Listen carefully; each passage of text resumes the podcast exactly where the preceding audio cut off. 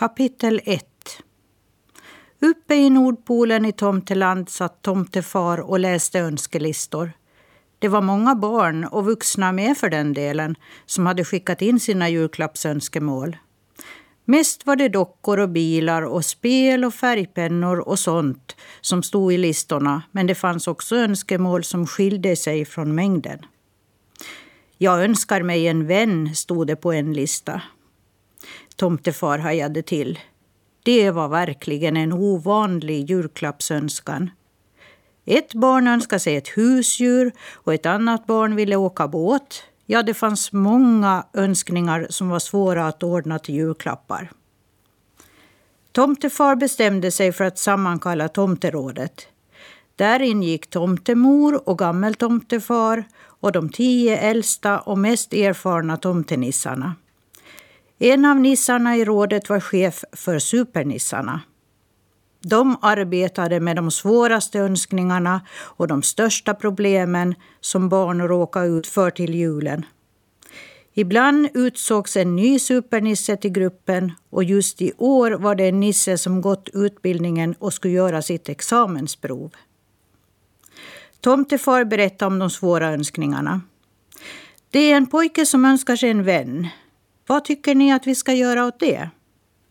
Alla de andra började fundera och småprata med den som satt bredvid eller med sig själv.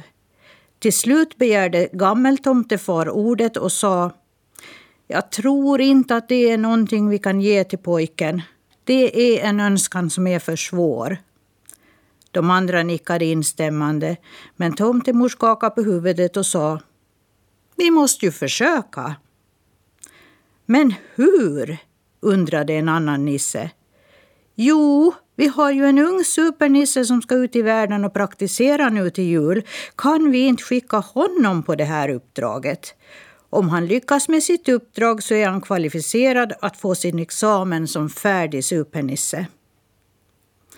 Sagt och gjort. De kallade till sig supernissen som hette Smirke och berättade för honom om pojken som ville ha en vän och alla andra önskningar som kommit in till tomtefar. Jaha, det är någonting jag gärna vill försöka göra, sa Smirke. Jag får använda all min kunskap och allt som jag har lärt mig nu under supernisseutbildningen. Du ska hålla kontakt med oss andra. Supernissechefen hjälper dig härifrån om det blir problem. Du ska veta att detta är knepiga uppdrag, inte alls så enkla som att tillverka en blunddocka eller sätta fart på en leksaksbil, sa tomtefar. Supernissechefen tog med sig Smirke till supernissarnas högkvarter. Där fanns många uppfinningar som supernissarna använde på sina uppdrag.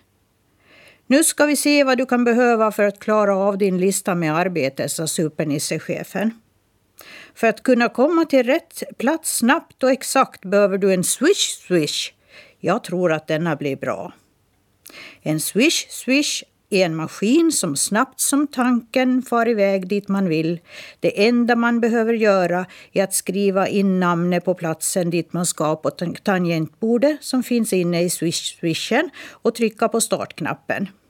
Det finns en mängd knappar och finesser i maskinen. Man kan till exempel välja osynlighet och att ändra färg och utseende på swish-swishen. Smirk hade övat många gånger att förflytta sig med swish-swishar.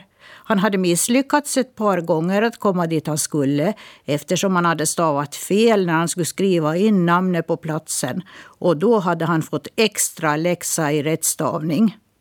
Det var lite konstigt det där med att skriva tyckte han, för fast han visste hur det skulle vara så skrev han ändå fel bokstäver ibland. Supernissechefen kände till Smirkes stavningsproblem och han var lite orolig nu när han visste att det var väldigt viktiga uppdrag som skulle utföras. Du ska till olika platser i världen, så var noggrann när du skriver in namnet på skärmen. Hamnar du fel kan du råka ut för både det ena och det andra, sa han till Smirke.